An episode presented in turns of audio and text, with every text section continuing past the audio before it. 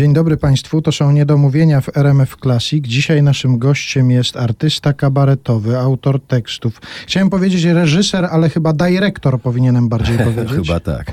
Dariusz Kamys, dzień dobry. Dzień dobry. I artysta malarz też. Do tego wątku wrócimy w odpowiednim momencie naszej rozmowy. Ale zaczniemy od czegoś, co już się nam zaczęło, zanim się pojawiliśmy na antenie. Ja zobaczyłem jakieś zdjęcie, że ty malujesz w okularach, prawda? No oczywiście. To znaczy nie, że kobiety w okularach tylko, tylko że malując nakładasz okulary. Oczywiście. No, to jest przywilej wieku, bo to są okulary takie korekcyjne do czytania. No to właściwie no chyba znakomita większość ludzi po 40 już zaczyna takie okulary zakładać na nos. Mhm. I mi tak gdzieś po 40, nie wiem, 42-43 lata chyba miałem, kiedy zauważyłem, że te literki zaczynają mi się jakoś rozjeżdżać i musiałem co od, oddalać y, rękę od oczu, żeby coś przeczytać. No i okazało się, że to już zaczyna się wada wzroku. A to było ciekawe, bo nawet się ucieszyłem. Dlaczego? Nie wiem, że... Poważniej to... będziesz wyglądał? Nie, co? nie, nie, nie, to nie o to chodziło, tylko że o kurczę, to to ja też to mam. Także nie wiem, poczułem się jakimś elementem wspólnoty ludzi, którzy nie dowidzą z powodu już no podeszłego może nie, ale już takiego zaawansowanego wieku. A jeszcze chciałem, wracając do tego malowania w okularach, zapytać, a zdarzyło ci się kiedyś, że nie wziąłeś okularów i potem patrzysz, Boże, co ja namalowałem? Nie, to aż tak to nie. No w okularach mi się zdarzyło też, że Boże, Zdziwiłeś co, się? Zdziwiłem się, co, Boże, co ja namalowałem. bo to czasami zdarza się, że ten efekt nie jest taki, jaki, jaki oczekujemy. No ale to wszystko jest do skorygowania. To nie jest aż taka wada, że ja y, ściągam okulary i nagle nic nie widzę, że jestem ślepy jak kret.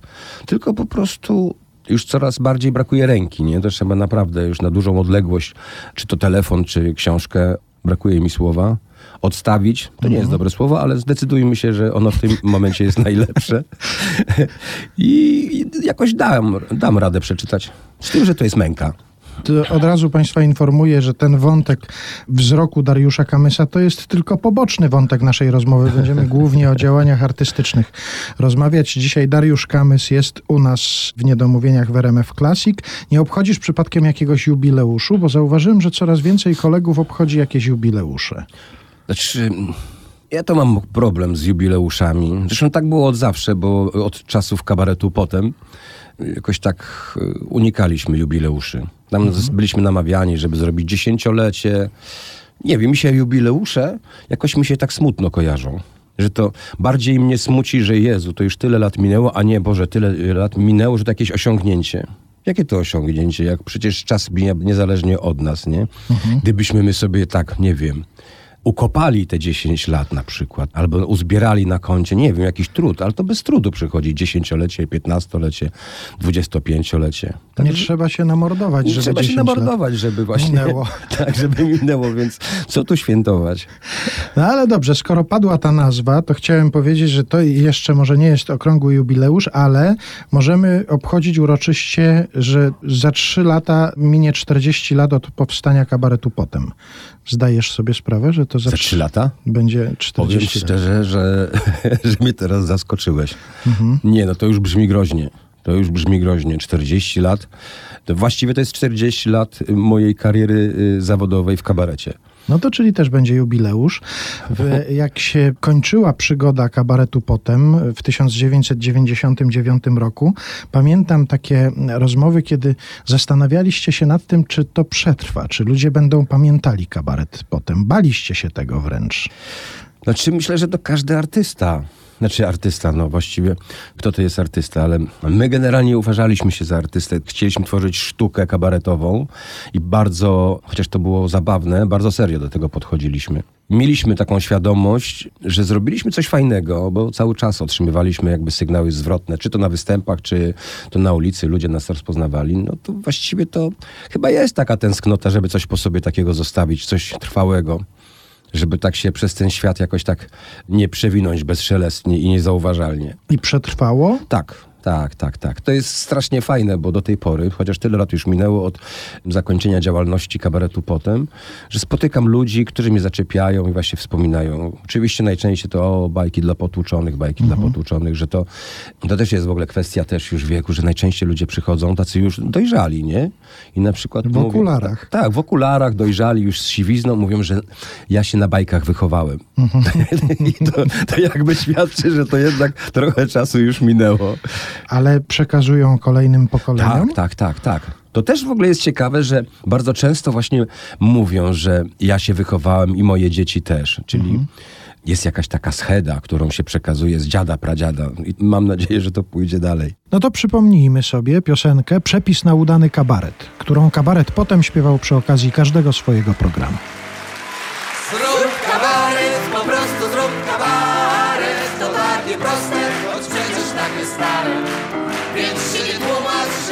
Wszystko jest źle Ale po prostu uśmiechnij się. Zrób kabaret, po prostu zrób kabaret. Między dialogi, piosenek, uszparę Zaproś publiczność i krzesło jej daj Potem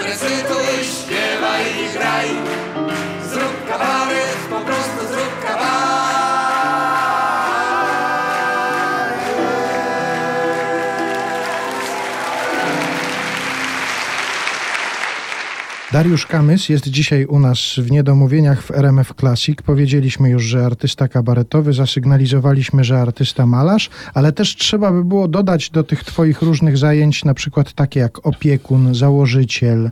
W notce biograficznej w internecie jest napisane opiekun Zielonogórskiego Zagłębia Kabaretowego. Ty byłeś mianowany takim opiekunem? Nie, nie, nie, nie. To jakby wynikało z pewnych zdarzeń, które miały miejsce, bo Władek Sikora, który był, jak mieliśmy na przykład Imperium Trt, bo to y, jakby był czołowy administracyjny organ Władka Sikory, Imperium Trt, on był imperatorem.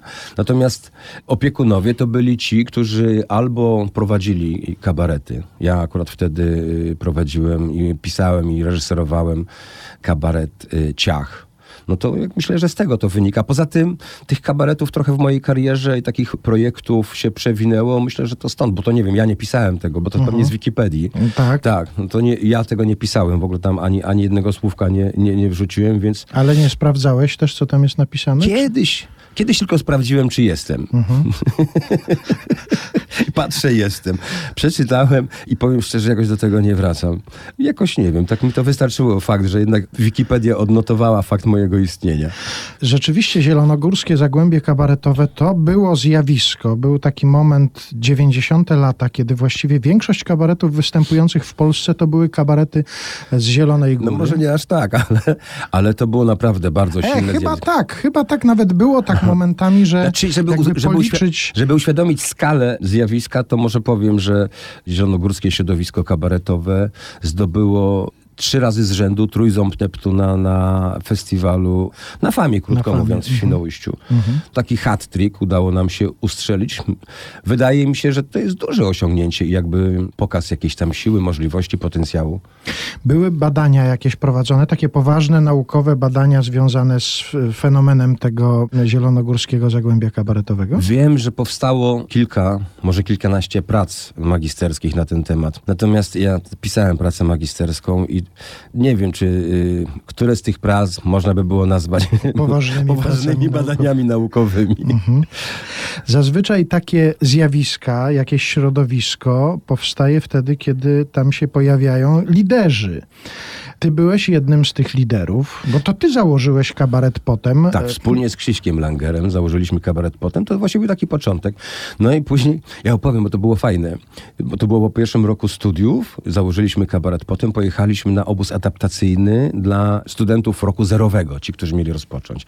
I tam poznaliśmy zespół Black and White, w którym zespole to grał Andrzej Kłos i Władysław Sikora. No i Sikora zobaczył to, co my robimy. No i powiedział, że zrobiłby to lepiej. Wiadomo. Ale y, zaproponował nam współpracę najpierw Andrzej Kłos do nas dotarł, a Władek później w końcu się jakoś tak przekonał. Nawiązaliśmy współpracę. No ale i co, no jak już Władek się pojawił, no to już jakby przejął stery. Po prostu przyszedł i sobie wziął. Znaczy nawet nie wziął, ale po prostu miał bardzo dużo do zaoferowania. No tak wyglądało, bo na przykład Krzysiek Langer był taki, próbował iść w kierunku, no to były czasy Laskowika Teja, tej polityki, a Władek zaproponował od razu taki kabaret, no czysto formalny, nie uwikłany w jakieś konteksty polityczne i zdecydowanie nam do tego było bliżej. No i to w naturalny sposób Władek się ostał, a Krzysiek odszedł i założył własny kabaret. I teraz dla stęsknionych kabaretu potem i wiosny przy okazji wiosenna pieśń radości w wykonaniu wspomnianego Władysława Sikory, jednej z najważniejszych postaci zielonogórskiego zagłębia kabaretowego i polskiego kabaretu w ogóle. Mówi się, że prawdziwa sztuka obroni się sama. Ale nie przede mną.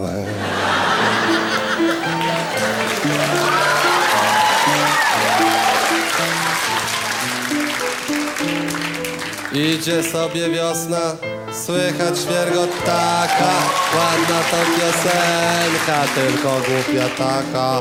Już przyleciał bocian i w kałuży dłubie mi to nie przeszkadza, dalej będzie głupiej. A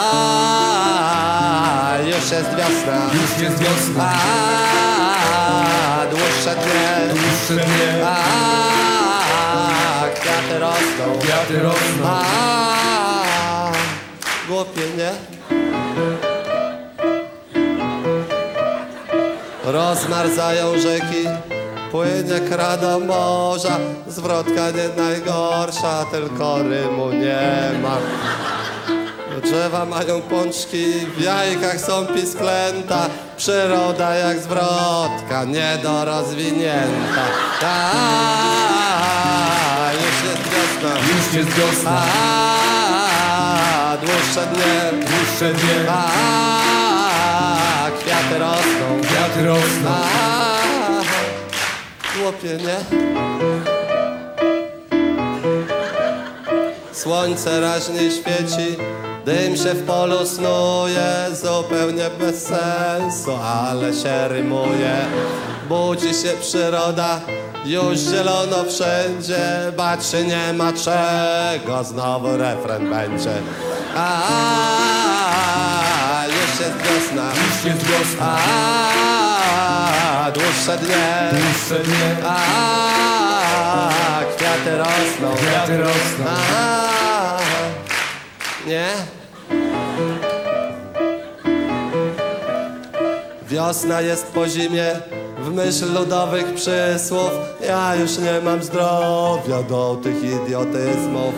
Kończy się piosenka, śniegu nie ma prawie. Pisać głupie teksty, nawet ja potrafię. A, już jest wiosna, a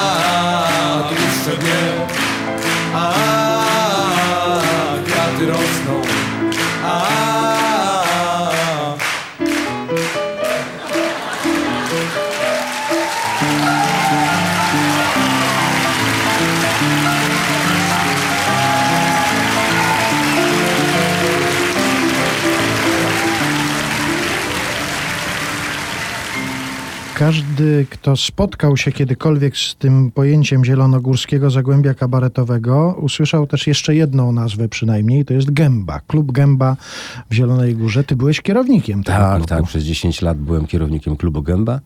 Bo tam dość dużo się o tym pisało. Mnie strasznie śmieszy, że klub Gęba to taki 100-metrowy, 120 metrów kwadratowych pomieszczenie. Bardziej to przypominało salkę katechetyczną, bardzo niski strop. Ale to był taki kociołek, to był tam ferment.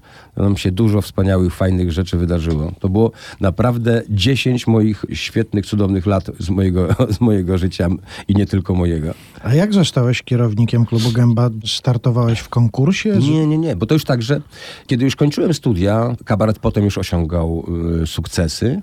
Ja kończyłem studia i świętej pamięci profesor Hajduk, który był prorektorem do spraw studenckich, i jakby to było w jego gestii i pod jego opieką były, było życie studenckie. Wyższa Szkoła Pedagogiczna Wyższa Szkoła Pedagogiczna w Zielonej Górze. No i właśnie on zaproponował mi, że po obronie pracy y, magisterskiej, jak zakończę studia, żebym y, objął funkcję kierownika klubu Gęba. Nie A to było zgodne z twoim wykształceniem, tak? Bo ty tak, bo jestem studiowałeś... pedagogika kulturalno-oświatowa. Tak, tak, tak, tak. y, obronę pracy magisterskiej miałem w trakcie famy. Więc jeszcze do późnego wieczora bawiliśmy się na koncercie bluesowym w amfiteatrze. Wsiadłem w pociąg, przyjechałem do y, Zielonej Góry, wziąłem prysznic, żeby się trochę orzeźwić. Poszedłem, obroniłem tą pracę, że tak przy miłosiernym potraktowaniu komisji egzaminacyjnej. No i następnie uczciliśmy to razem z kolegami i w takim radosnym nastroju wsiadłem w pociąg i wróciłem na famę. Jaki był temat twojej pracy magisterskiej? Moglibyśmy pamiętasz? spuścić zasłonę milczenia Nie ten moglibyśmy, teraz nie. Dobra, Teraz dobrze nie. powiem. Mój rok robił badania takie socjologiczne w żaganiu i moja praca brzmiała udział mieszkańców żagania w lokalno-instytucjonalnym układzie kultury. A, Czy, to znaczy, czy chodzą do y, placówek kulturalnych, a jeśli chodzą, to do jakich, a jeśli y, do jakich, to kto chodzi, nie? Czy starzy, młodzi, robotnicy, nauczyciele, i takie tam... łapaliście na ulicach ludzi i pytaliście ich Nie, no robiliśmy, z, chodziliśmy z ankietami, tam prosiliśmy, żeby ludzie wypełniali ankiety, rozmawialiśmy z nimi. Ale to, ja myślę, że to nie była rewolucyjna praca. No to nie chodzi o to, żeby była rewolucyjna, chodzi o to, żeby jakieś zjawisko pokazała. No i prawdopodobnie tak było, skoro obroniłeś, skoro dostałeś dobrą ocenę. Myślę, myślę, że moja praca pokazała pewne zjawisko. Ja wiem, to może będzie, y, y, nie wszystkim się może spodoba, ale ja nie miałem ambicji naukowych zupełnie. Ja tą pracę magisterską wymęczyłem. Dlatego gdyby się okazało, że spłonęły archiwa Wyższej Szkoły Pedagogicznej, odetchnąłbym z ulgą. Teraz jedna taka rzecz, która też musi się pojawić w, w naszej rozmowie, jedna nazwa, która musi się pojawić w naszej rozmowie. Nie masz już czasem dosyć pytań o spadkobierców?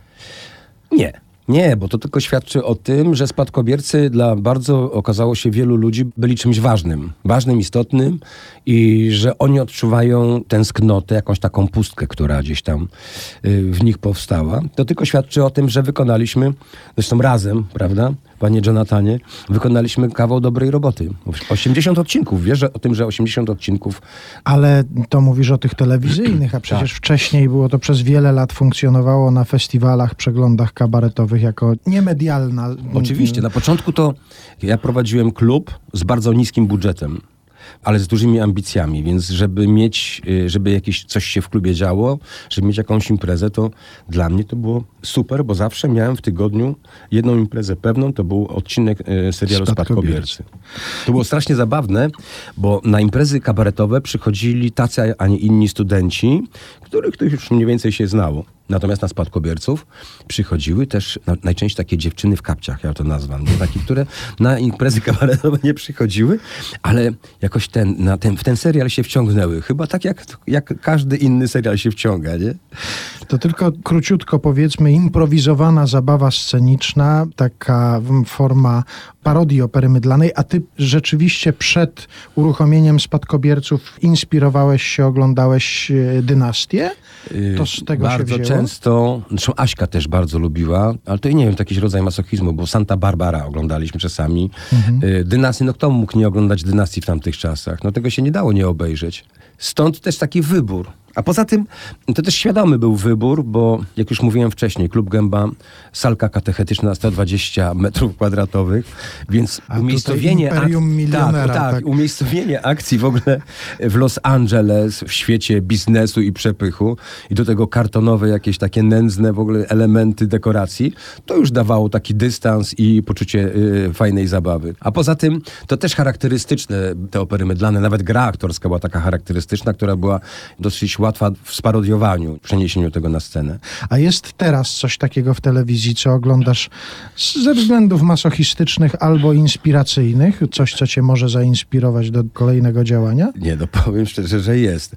Znaczy ja powiem jeszcze jedną rzecz, bo myślę wspólnie z Jarkiem Stypą, y, z którym pod koniec Spadkobierców razem pisaliśmy scenariusz do kolejnych odcinków. Myślimy nad projektem, który nie byłby kontynuacją Spadkobierców, ale jakby wykorzystywał ten patent, który y, funkcjonował w spadkobiercach. Powiem szczerze, że bardzo mnie poruszają w tym właśnie kontekście historyczne seriale tureckie bo one, one są też, tak jak punktem wyjścia były opery mydlane, nie jak Santa Barbara. Myślę, że turecki serial historyczny też mógłby być wspaniałą, doskonałą wręcz inspiracją do... Moja mama namiętnie ogląda właśnie tego rodzaju historie. No to już jakiś sygnał poszedł w świat, a teraz zobaczymy, co z tego będzie y, dalej. Jeszcze jedna nazwa musi się tutaj pojawić. Oczywiście kabaret hrabi to jest twoje podstawowe zajęcie, prawda? Tak, tak, tak. Oczywiście to jest, to jest mój okręt wojenny, a to wszystko, co, o, o czym mówiliśmy do tej pory, to takie łodzie ratunkowe. Bardzo intensywnie żyjecie w kabarecie hrabi, to znaczy to jest dużo koncertów, dużo bycia razem, poza tym przygotowywanie nowych programów. Jak dbacie o higienę psychiczną w kabarecie? To znaczy dajecie sobie takie okresy, kiedy się do siebie w ogóle nie odzywacie, na przykład nie dzwonicie Znaczy, do chyba siebie? nie, nie potrzebujemy, bo my jesteśmy w stanie nawet jeszcze razem z sobą spędzać wakacje. Jakoś dobrze się czujemy w swoim towarzystwie. Oczywiście, że bywają sytuacje trudne. Parę lat temu mieliśmy taką trudną sytuację, gdzie zamknęliśmy się w naszym busie i każdy wywalił, co mu tam na sercu leżało. Ale to była taka rozmowa bardzo burzliwa, na bardzo wysokim rejestrze, ale to jest tak jak burza, a po tej burzy faktycznie chmury się zaczęły rozchodzić, pojawiło się słońce i się oczyściła atmosfera i do tej pory jakby odczuwamy pozytywne skutki takiej właśnie rozmowy. To myślę, że to jest tak jak w każdej rodzinie, że też są gorsze, lepsze chwile, ale rodzina cały czas funkcjonuje, cały czas sobą jest. Nas bardzo mocno trzyma poczucie wspólnej idei. My wiemy, czego chcemy, wiemy, dokąd zmierzamy i to nas razem gdzieś tam bardzo mocno trzyma. Wiemy, na co pracujemy. I to jest dla, dla nas szalenie ważne, dlatego nawet jakieś swoje osobiste problemy czy tam dalej jakby schodzą na dalszy plan wobec tego, co, do czego zmierzamy. Tutaj w tej naszej rozmowie chyba dosyć wyraźnie widać to, jak dużo ty rzeczy tworzysz, jak dużo rzeczy inicjujesz, jak one się pojawiają co jakiś czas, a masz też umiejętność kończenia takich rzeczy. To znaczy, że na przykład mówisz, o, dziękuję bardzo, tutaj, no, spadkobierców ty zakończyłeś. no. tak, tak, tak. Czyli, Czyli sam sobie odpowiedziałeś. tak, tak, tak. Nie, no pewnie. Aczkolwiek jak z każdą rzeczą, no to że dopóki wszystko, dopóki coś ma sens, dopóki y, jest to świeże, dopóki jest to nośne, dopóki to przynosi satysfakcję, to wtedy mo, y, można się tym zajmować. Ale jeżeli y, już to nie spełnia tych warunków, Ale potrafisz to tak trzeźwo ocenić sam? No bo to są rzeczy przecież bardzo ci bliskie, bo to ty wymyśliłeś, ty stworzyłeś. Ludzie się tym zachwycili na przykład i potrafisz sobie w pewnym momencie Myślę- usiąść i powiedzieć, a nie, już to przestało działać. myślę, że nie, nie jestem w tym tak konsekwentny i tak szybki i zdecydowany jak na przykład Władek. Jak Władek wymyślił, że musimy zakończyć kabaret potem, no to w ogóle byliśmy strasznie zaskoczeni. No ale dużo rozmawialiśmy na ten temat, kiedy powinno się skończyć. No i byliśmy na to przygotowani, aczkolwiek Władek był zdecydowanie od nas szybszy. Ja nie mam aż takiego zdecydowania. Ja jestem w ogóle sentymentalny i czasami nawet byłbym chyba w stanie reanimować trupa, bo szkoda. No to wiesz, że od razu się zaczną pojawiać pytania, a może się pojawiały już, a czy można przywrócić kabaret potem? Pojawiały się takie pytania? Tak, tak, tak. Ale jest, teraz to jest absolutnie niemożliwe, bo dlatego, że kabaret potem to mm, był w takim, a nie innym składzie. No niestety już nie ma nas y, wśród nas świętej pamięci Smutnego. Adama Smutnego. Bez, bez Smutnego kabaret potem nie byłby kabaretem Mhm. potem, tylko czymś takim niepełnym. Mhm. Także to chyba nie ma sensu. Poza tym my obiecaliśmy sobie i potrafilibyśmy być w- w potemach bardzo konsekwentni, że zamykamy etap kabaretu potem i do tego już nigdy nie wrócimy. I, i tak będzie. Nawet gdybyśmy chcieli, to i tak Władek się uprze. Ale jest na szczęście kabaret hrabi, jak Darek powiedział przed chwilą, jego okręt wojenny. Posłuchamy teraz w RMF Classic jednej z piosenek z płyty Pienia i Jęki hrabiego piosenki. Śpiewa Dariusz Kamys, a w finale dołączy Joanna Kołaczkowska.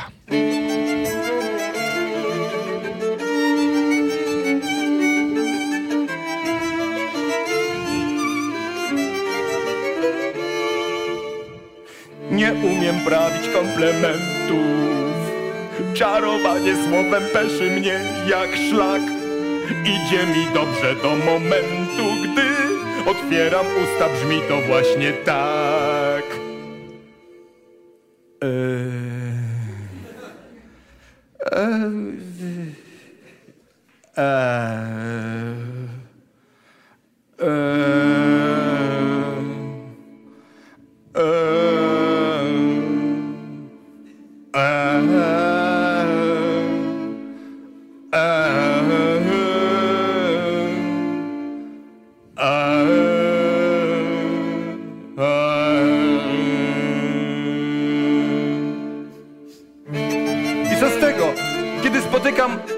ładną babkę, to...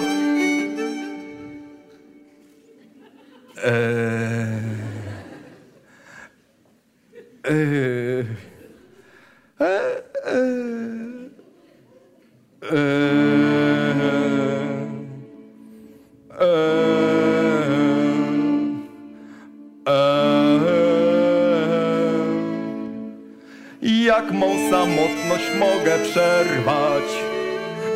Serce z moją obudową dam? Marzę, że w miłosnych manewrach Dwugłosem zaśpiewam z jedną z dam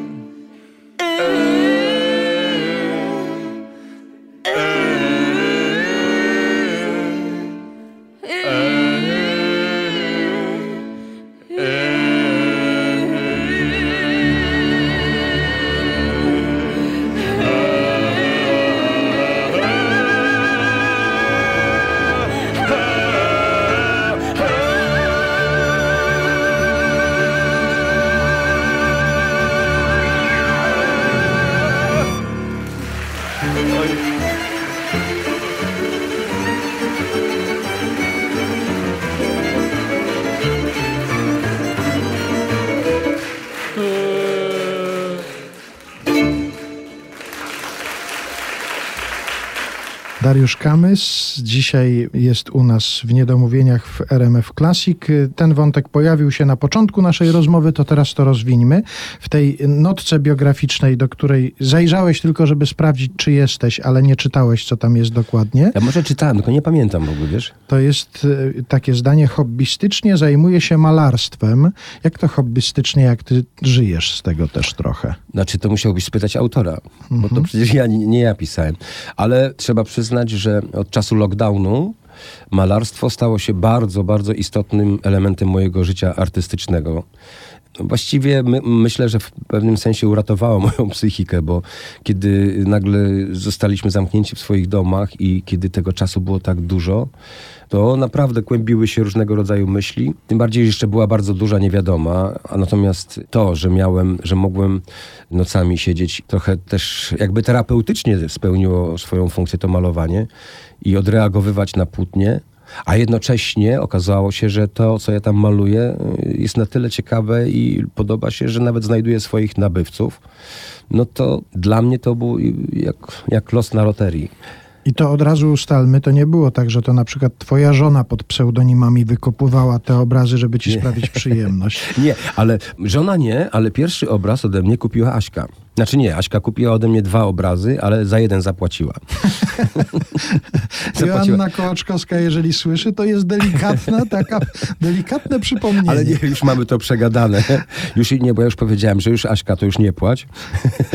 ale tak było, że kupiła, ale później kupiła jeden z moich pierwszych już takich, kupiła jakby wcześniej mój pastel, a e, jak zacząłem malować większe formaty akrylami, no to jeden z takich obrazów kupiła, no i naprawdę zapłaciła dobrze. Mhm.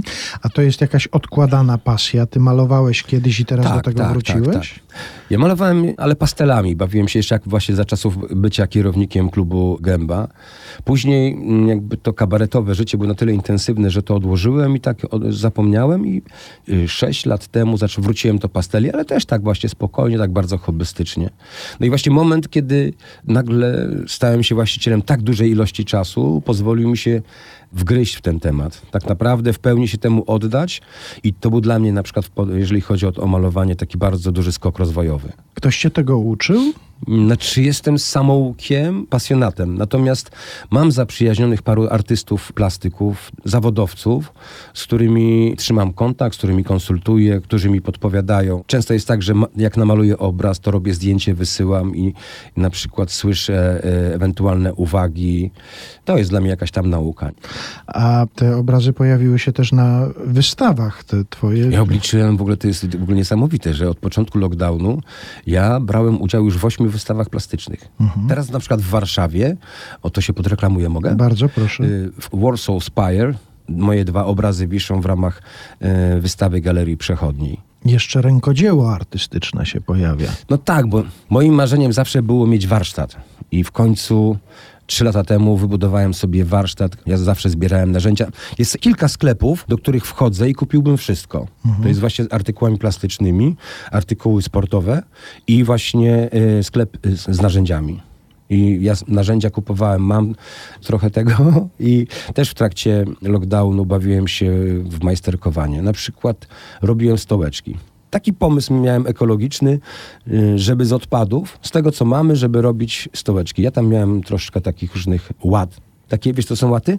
Nie wiem. To są takie listewki, jak się dachówki na dachu, takie, takie użebrowanie. To właśnie z takich ład robiłem stołeczki, a pod koniec, bo teraz nie miałem czasu długo wejść do tego, do y, warsztatu, na przykład robiłem stołeczki z patelni. No proszę. No. I domyślam się, że dwa takie ma Aśka, tylko za jeden, zapłaciła. Nie, nie, ma jeden, ma jeden, ma jeden i zapłaciła za niego. To strasznie śmieszne, bo nawet telewizja śniadaniowa TVN zrobiła taki krótki materiał właśnie o tych moich pasjach i przyjechałem do mojej mamy.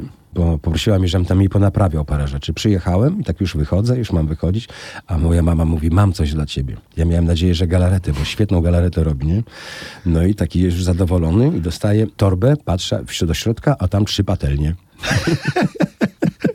Czyli mama chce sobie i, urządzić mama, kuchnię. ta, mama i sąsiadki się zrzuciły. się pozbyły starych patelni. Sam wywołałeś to hasło sport. Przed chwilą powiedziałeś o tym, żebyś Tak. w sklepie sportowym kupował wszystko. Też jak się spojrzy na przykład na mm, różne media społecznościowe, w których jesteś, to tam dosyć często się ciebie widuje, ale zauważyłem, że na przykład pozujesz z cudzymi pucharami. Tak, bo to jest... U nas w kabarecie hrabi Lopez i ja, czyli Lopez nasz pianista, gramy w tenisa. Jeździmy na turnieje, bo to są turnieje artystów, y, turnieje artystów kabaretowych i tak dalej. I mamy jakby podział, właściwie on sam się wykształcił. Taki podział obowiązków. Lopez jest od wygrywania i on wygrywa te turnieje. Ja prowadzę bogate życie towarzyskie. I na tym polu odnoszę największe sukcesy na turniejach tenisowych. Ale tak, jeżeli ktoś by się nie przyjrzał dokładnie albo nie poczytałby tych informacji, to tam dosyć często z jakimś pucharem A nie, występujesz, to, to, jakiś nie, to medal. zdarza się. To nie tak, że zawsze y, brałem, bo teraz ostatnio pożyczyłem puchar, żeby sobie zdjęcie zrobić, bo stwierdziłem, że do, do twarzy mi z pucharem. Ale zdarzało się y, najczęściej w deblu, w takich deblowych poczynaniach kilka razy zdobyć jakąś tam nagrodę. No ale to Lopez jest dominatorem, to jest w ogóle postrach kortów, postrach artystów. No dobrze, ale z, z kolei ty jesteś postrachem stoków, bo jak narty... No to tutaj Lopez nie ma żadnych szans. Mhm. No to sam wiesz, bo często gadaliśmy o nartach, bo ty też jeździsz na nartach. Ja się zwożę. Tak mi ktoś kiedyś powiedział, że ja nie jeżdżę, tylko się zwożę. Aha, ale to też, ale samodzielnie. No tak, no. No. no bo nie mam mnie ktoś To jest, zwieść. uwielbiam narty. To jest y, y, absolutnie coś, to jest dla mnie cud i nic mnie tak bardzo nie cieszy, jak właśnie te dwie deski przyczepione do nóg i kawałek y, stromej góry z, y, y, ze śniegiem. Mamy zaprzyjaźnioną taką ekipę 12-13 y, mężczyzn różnych zawodów, ale właśnie łączy nas pasja narciarska i od chyba 10 lat razem jeździmy do Austrii, do Zillertal i tam przez tydzień oddajemy się białemu szaleństwu i, i to jest przecudne, bo to są w ogóle świetni, świetni ludzie. Jest to zawsze intensywny czas jazdy i intensywny czas zabawy. Takiego życia towarzyskiego. Także super. Mam nadzieję, że to w tym roku się wydarzy. Jeszcze do jednej formy artystycznej działalności muszę nawiązać. Harmonijka ustna, muzyka. Też można znaleźć takie informacje, że twoje partie harmonijki ustnej są utrwalone na płytach nawet. Tak, na dwóch pierwszych płytach zespołu Raz, Dwa, Trzy. Tam miałem przyjemność i, i, i zaszczyt zagrać. Ale zostałeś zaproszony, czy ty jako kierownik klubu Gęba, w którym Adam Nowak występował też, po prostu zarządziłeś, że masz grać? Nie, nie. Adam Nowak od początku był artystą niezawisłym i nawet bym nie próbował mu narzucić czegokolwiek. Nie, zostałem zaproszony. No, wiadomo, że jakby to jest ten taki tygiel, imprezy muzyczne różnego rodzaju, no to dało się zauważyć, że gram na harmonice i jakoś Adamowi zapasowało, żeby y, brzmienie harmoniki, żeby ono akurat tam się znalazło, a byłem chyba najbliżej, najbardziej mu znanym harmonikarzem, jakiego miał pod ręką, no więc w takim razie chyba tą drogą trafiłem do, na te dwie płyty. Ale to e, sam sobie opracowywałeś partię, czy dostałeś aranż, co masz konkretnie zagrać? Znaczy ja za każdym razem gram co innego, Aha. bo, bo ja y, jestem słuchowcem. Ja, się, ja próbowałem się uczyć nut, ale nie, nie za bardzo mi się udało. No, lenistwo wygrało, więc ja za każdym razem gram prawdopodobnie inaczej, bo improwizuję, gram ze słuchu. Do tego stopnia jest to głupie, że pierwszy raz harmonikę wziąłem y, do swoich rąk i mam y, w harmonice basowe dźwięki, czyli, czyli te niższe z prawej strony, a y, wyższe z lewej, czyli odwrotnie jak jest w pianinie. Bo gdybym pierwszy raz chwycił tą harmonikę w ten sposób, myślę, że dużo, dużo byłoby mi, by mi łatwiej nawet pewne rzeczy patrząc na pianino transponować na harmonikę. No ale tak się akurat nie złożyło. Czyli to rozumiem, że to, co tam zagrałeś na e, dwóch pierwszych płytach zespołu Raz, Dwa, Trzy, to jest absolutnie twoja improwizacja, Tak, tak, tak. twoja twórczość. Tak, tak, tak, tak. Za chwilę Państwo usłyszą wezwanie Kamol Graj, więc będzie dokładnie wiadomo, o którą solówkę na harmonijce chodzi. Z drugiej płyty zespołu Raz, Dwa, Trzy piosenka w każdym razie, w każdej chwili, w każdej knajpie.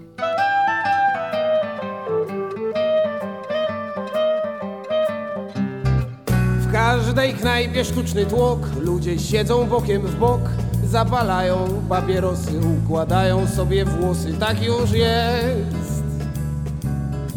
W każdej knajpie sztuczny tłok, ludzie siedzą bokiem w bok, ludzie siedzą bokiem w bok.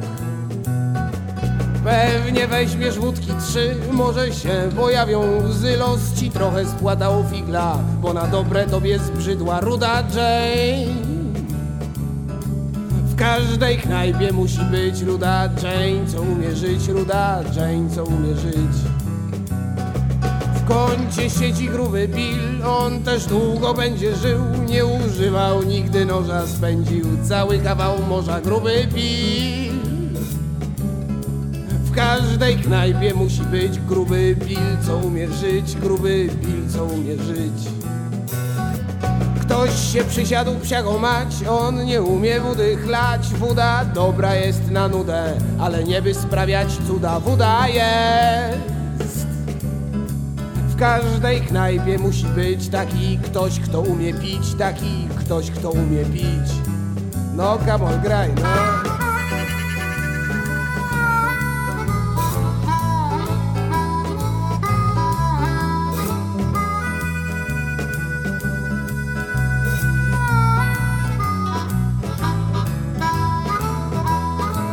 Z ciebie.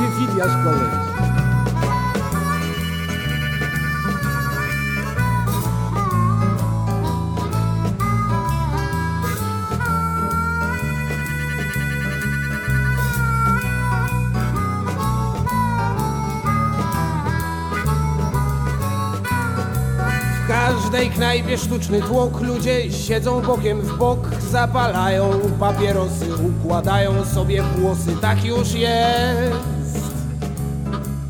W każdej knajpie sztuczny tłok, komuś poszło bokiem w bok, komuś poszło bokiem w bok. Dariusz Kamys jest w niedomówieniach w RMF Classic i teraz jeszcze jedna taka sprawa, którą muszę poruszyć. Może to jest kwestia odpowiedzialności za słowo i następnym razem będziesz uważał, co mówisz. O kurczę, Mhm. się boję. I to jest już w takiej notce biograficznej, którą znalazłem na stronie kabaretu Hrabi. Tam mówisz o swoich i pasjach, i o tym, skąd jesteś, co robiłeś, jak to się wszystko toczyło. I mówisz o tym, że uwielbiasz psy. I ten wątek zwierzęcy kończy się sformułowaniem ciekawi mnie też goryl górski. Ja nie pamiętam, dlaczego ja to napisałem. Znaczy, goryl górski prawdopodobnie to e, wzięło się stąd, że czasami e, robi mi się taka fryzura, na którą e, wszyscy mówią, że o, masz goryla górskiego.